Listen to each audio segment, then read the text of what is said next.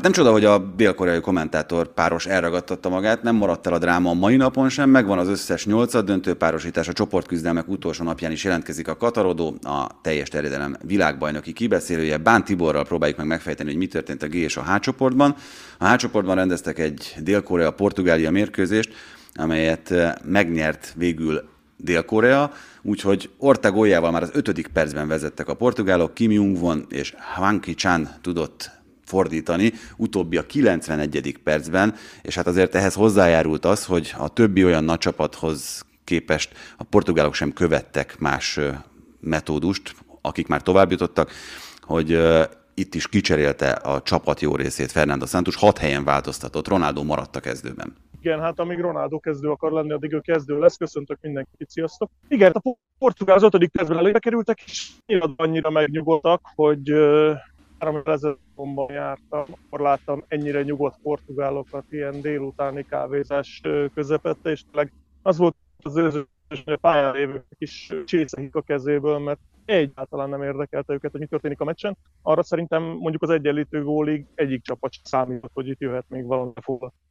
Igen, ugye itt Daló centerezése után született meg Hortá vezetőgólja, ami tényleg valóban nagyon kényelmesé tette a portugálokat. Dél-Korea egy szöglet után egyenlített, ez annyira nem volt benne egyébként a játékképében.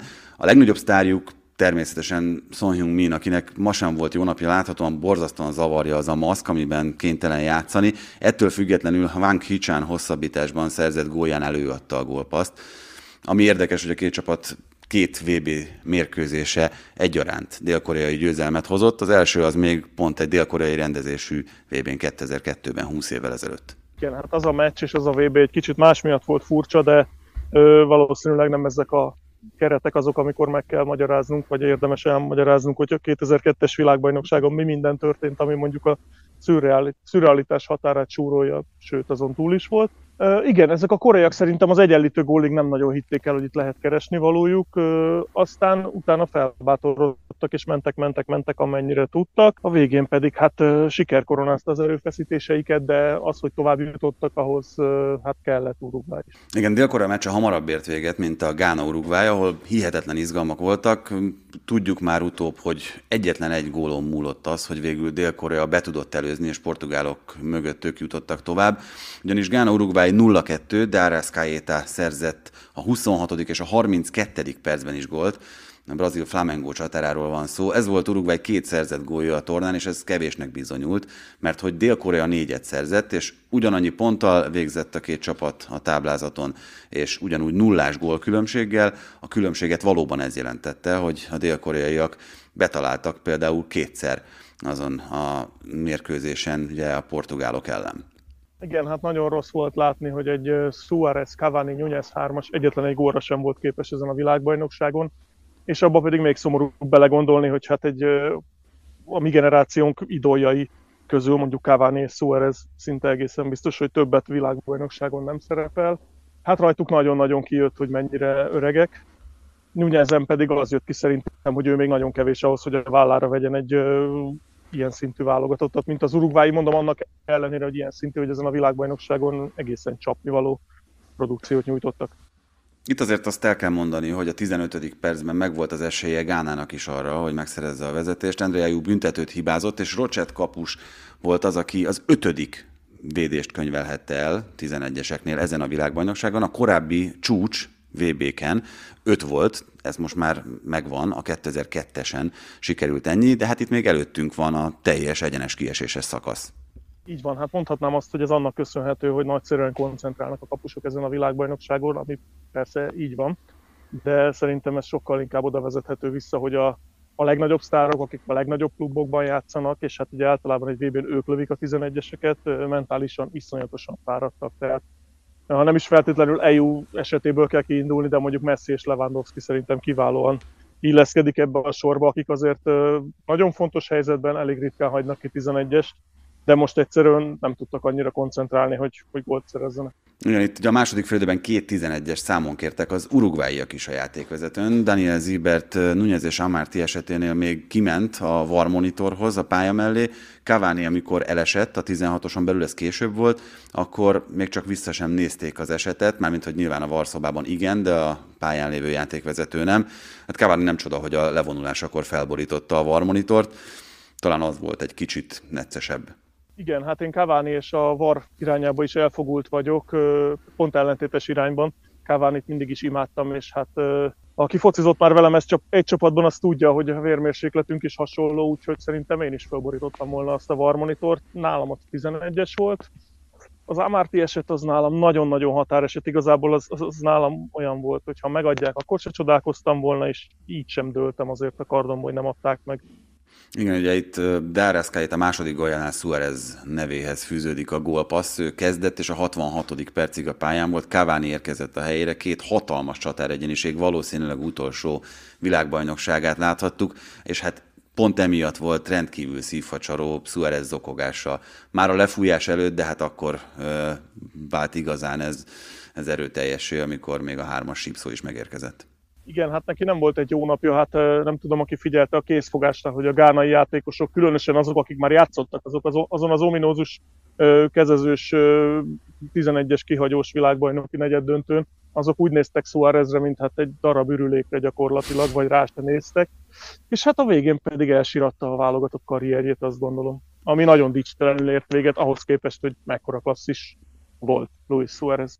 Hát akkor mekkora klasszisok voltak ebben az urugvái válogatottban, és mégis a kiesés sorsára jutottak itt a csoportkörben. Menjünk tovább a G csoportra, mert megvan ugye a teljes párosítás ebből a négy továbbjutóból. Brazília, Kamerun 0-1. Hogyha valaki nem látta a mérkőzést, az valószínűleg meglepődik. A 92. percben Abu Bakar lőtte, vagy fejelte egészen pontosan az első gólt a brazil válogatottnak. A hosszabbításban sikerült mindez, és ki is állította a játékvezető második sárgalappal, gólörömért, mert ő levette a mezét, és már korábban is figyelmeztette a játékvezető, egy olyan gólt ünnepelve, ami egyébként nem ért továbbjutást Kamerunnak.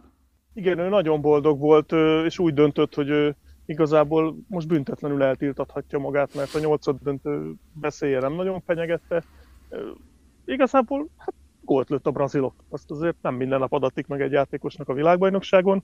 De aki nagyon szereti a brazil válogatottat és a brazil futballt, és esetleg nem tudta megnézni ezt a mérkőzést, azt javaslom, hogy ne is tegye mert semmi köze nem volt a brazil válogatotthoz annak a csapatnak, amelyik pályára lépett, bár tény, hogy brazil állampolgárt alkották, és egyébként nagyon jó játékosok alkották, de eszméletlenül nem érdekelte őket ez a meccs, és ez minden sejtjükből sugárzott, és nem is próbálták szerintem titkolni. De vajon honnan tudta azt Abu Bakar, hogy nem fog gólt szerezni Szerbia, mert csak ennyi hiányzott a kameruni továbbjutáshoz? Hát igen, de akkor nem vagyok Abu Bakarnak semmiféle ismerőse, de azt tudnám javasolni, hogy várja meg a szerb gólt, és utána dobáljon le magáról, amit csak szeretne. Így előre örült a szerbek sikerének, ami hát elmaradt, és így elég ciki lett. Mert ha abban a pillanatban mondjuk a szerbek lőttek volna egy gólt, akkor szenzációs megoldás, de így eléggé hülyen nézett ki. Igen, hát azért nem szabad elmenni amellett, hogy milyen elképesztően erősnek tűnt ez a brazil B csapat, Edersonnal, Fabinhoval, Gabriel Jesusszal, Martinellivel, csupa olyan játékossal, aki kult szerepet játszik európai élcsapatokban. Hogyne, hát ha azt nézzük, hogy milyen klubokban játszanak, és mondjuk milyen akár csak trófeákat nyertek ezek a játékosok, akkor azt gondolom, hogy egy 26-28 gyengébb kezdőcsapatot láttunk már ennél a brigádnál a VB-n. De hát ők, ők a pályán pihentek rá a nyolcad döntőre, ahol azért várhatóan nem sokan fognak kezdeni közülük, ezt lealibizték ezt a meccset, és még az sem nagyon zavart őket szerintem, hogy a végén kikaptak. Az viszont esetleg aggasztó lehet számukra, hogy egyre több a sérült a csapatban. Neymar és Danilo után ugye Alex Telles és Alexandro is megsérült, akik mindketten utóbbiak balhátvédek, úgyhogy ott akár vékony is lehet ez a brazil keret. Hát vagy eljön az ifjú Dani Alves ideje, akivel az elmúlt 47 évben, amióta brazil válogatott, szerintem sok minden történt már, de nem emlékszem, hogy valaha balhátvédet játszott volna. Igaz, mondjuk Roberto Carlos vagy Marcelo környékén nem is nagyon merült fel, hogy esetleg átvezényeljenek bárkit a jobb oldalról. Hát most még ez is megtörténhet, de mondjuk azért Dél-Korea ellen nem lesz különösebben könnyű dolga, hogyha ez így alakul, mert ott azért látatlanban azt mondom, hogy nála gyorsabb játékossal fog találkozni, bár mondjuk szerintem ez az elmúlt tíz évben minden egyes mérkőzésen így volt, és azért általában megoldotta. A brazilok veresége azt jelenti, hogy egyetlen százszázalékos csapat sincs ezen a tornán. Szerbia-Svájc 2-3, nagyon korán sikerült megszerezni a vezetést a svájci csapatnak, Sakiri góljával, Mitrovic és Vlahovic góljával fordítani tudott a szerb csapat, de aztán Embolo egyenlített, és Freuler végül a 48. percben a győztes gólt is bevitte, és hát ebből már kitalálhattátok, hogy egyszerre volt a pályán kezdőként még hozzá Vlahovic és Mitrovic. Sejtettük, hogy elkövetkezhet ez a pillanat, de végül úgy is döntött Pixi Stojkovic, hogy meghúzza ezt a nem túl váratlan, de annál bátrabb döntést. Igen, és én a végeredmény ellenére azt mondom, hogy igaza volt, mert sokkal jobban nézett ki ez a szerb válogatott, legalábbis elől, vagy, elő, vagy támadásban, mint az előző két meccsen. Az elején nagyon, az első fél az nagyon-nagyon tetszett nekem, bevallom, ezt néztem nagyobb képernyőn, és a Brazilt kisebben, mert ott számítottam kisebb szenzációra és az volt az érzésem, mint egy-egy kézilabda mérkőzésen, hogy egyszer az egyik csapat vezet egy gólal, egyszer a másik, és igazából az fog dönteni, hogy éppen melyik csapat vezet egy gólal, amikor váratlanul lejár a játékidő. Aztán a második fél időben már, már azt láttam a szerbeken, hogy abban nem nagyon hisznek, hogy ők még egyszer vissza tudnak jönni, és még egyszer két gólt tudnak szerezni válasz nélkül. Aztán jöttek a, jött a fáradtság, és hát néhány szerbnek azért fejben nagyon hamar kiütközött a délszláv vére, és egy kisebb-nagyobb tömegverekedés azért össze is jött, ami remélem, hogy a felvétel pillanatában már nem tart, de egy picit azért aggódom néhány svájci labdarúgóért. Igen, nyolc sárgalap, nagyon feszült meccs volt, és hát tényleg voltak olyan tömegjelenetek, amiknél nem tudtam, hogy mikor fog tudni folytatódni a játék. Ehhez képest egyébként egészen gyorsan sikerült a játékvezetőnek rendet tenni, hogy micsoda indulatok dolgoztak ott a futbalistákban. Lahovics góljával fordított egyébként Szerbia, és a Juventus csatára elég furcsa módját választotta a gólörömnek. Itt a férfiasságát mutogatta kifelé a nadrágen keresztül szerencsére, utalva ezzel bulvár hírekre, mely szerint ugye különböző párcserék történtek a horvát, vagy a bocsánat, a szerb válogatott edzőtáborában. Nem tudom, hogy érdemese ezzel egyáltalán egy játékosnak meccsen foglalkoznia. Miután egyébként sajtótájékoztatón nyilatkozta azt Láhovics, hogy nem volt ilyen. Igen, ez a szerb csapat egy nagyon jó közösség, egy nagy boldog swinger klub gyakorlatilag, és a csapategységnek úgy látszik, hogy a feleségek is a szerves részei elég jól sikerült az a gólöröm, markáns, markáns fiatalember Vlahovics, de hát remélem, hogy komolyabb sérülés nem szenvedett, mert most már aztán mehet vakációzni és várja a csapat. Így van, hát Svájccal kapcsolatban meg azt kell megjegyezni, hogy masszívan ott van a világ élmezőnyében. Az utolsó hat világversenyén mindig tovább jutott a csoportból, ez három VB most már, és előtte három Európa-bajnokságon is mindig sikerült kiharcolni az egyenes kieséses szakaszba jutást. Ez nyilván nem lehet véletlen. Ez így van, egy rendkívül kellemetlen ellenfél az angol nyelvterületen azt szokták mondani, hogy a pain in the S kategória, akik ellen borzalmasan rossz játszani, nem azért, mert mindenkinél ügyesebb játékosaik vannak, hanem elképesztően harciasak, masszívak, és uh, amit tudnak azt a szintet, ami nem a legmagasabb szint a világon, szerintem minden egyes mérkőzésen legalább 80%-ra hozzák, és ez, ez egy döntetlenre gyakorlatilag bárki ellen elég, onnantól pedig már egy egyenes kieséses szakaszban, mint azt a tavalyi ebben is láttuk, nagy részben a szerencse. Bán Tibornak nagyon szépen köszönöm a szakértelmet. Így tehát Brazília, Dél-Korea és Portugália, Svájc, ez a párosítás ebből a két csoportból. Holnap pedig már megkezdődnek a nyolcad döntők. 16 órakor egy Hollandia Egyesült Államokkal, és egy Argentina-Ausztrália mérkőzése a 20 órától. Természetesen a katarodók folytatódnak az egyenes kieséses szakaszban is, most már nem négy, hanem csak kettő mérkőzést kell átbeszélnünk, és ezt meg is fogjuk tenni, úgyhogy köszönjük a mai meghallgatást azoknak, akik már nyugovóra térnek. Jó éjszakát kívánunk, akik pedig most kezdik a napot, nagyon kellemesen töltsék azt. Sziasztok! Sziasztok!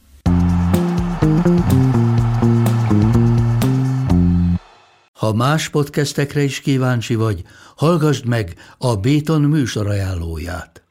El tudod képzelni, hogy a podcastet, amit éppen most hallgattál, fél év múlva már a mesterséges intelligencia generálja? Mi sem. De ha érdekel, eljött már a gépek lázadása. Hallgass bele az Embertelen podcastbe. Orsós Lajos vagyok, a műsor házigazdája. Egyelőre még élőben. Egyelőre. Fedezzük fel együtt, hogyan ismerkedik, randizik, mesél és vitatkozik Betty és Péter, két teljesen mesterséges intelligencia. Lajos, a podcast címét mond még egyszer, Léci. Oké. Okay. Embertelen podcast. Ez a műsor a Béton közösség tagja.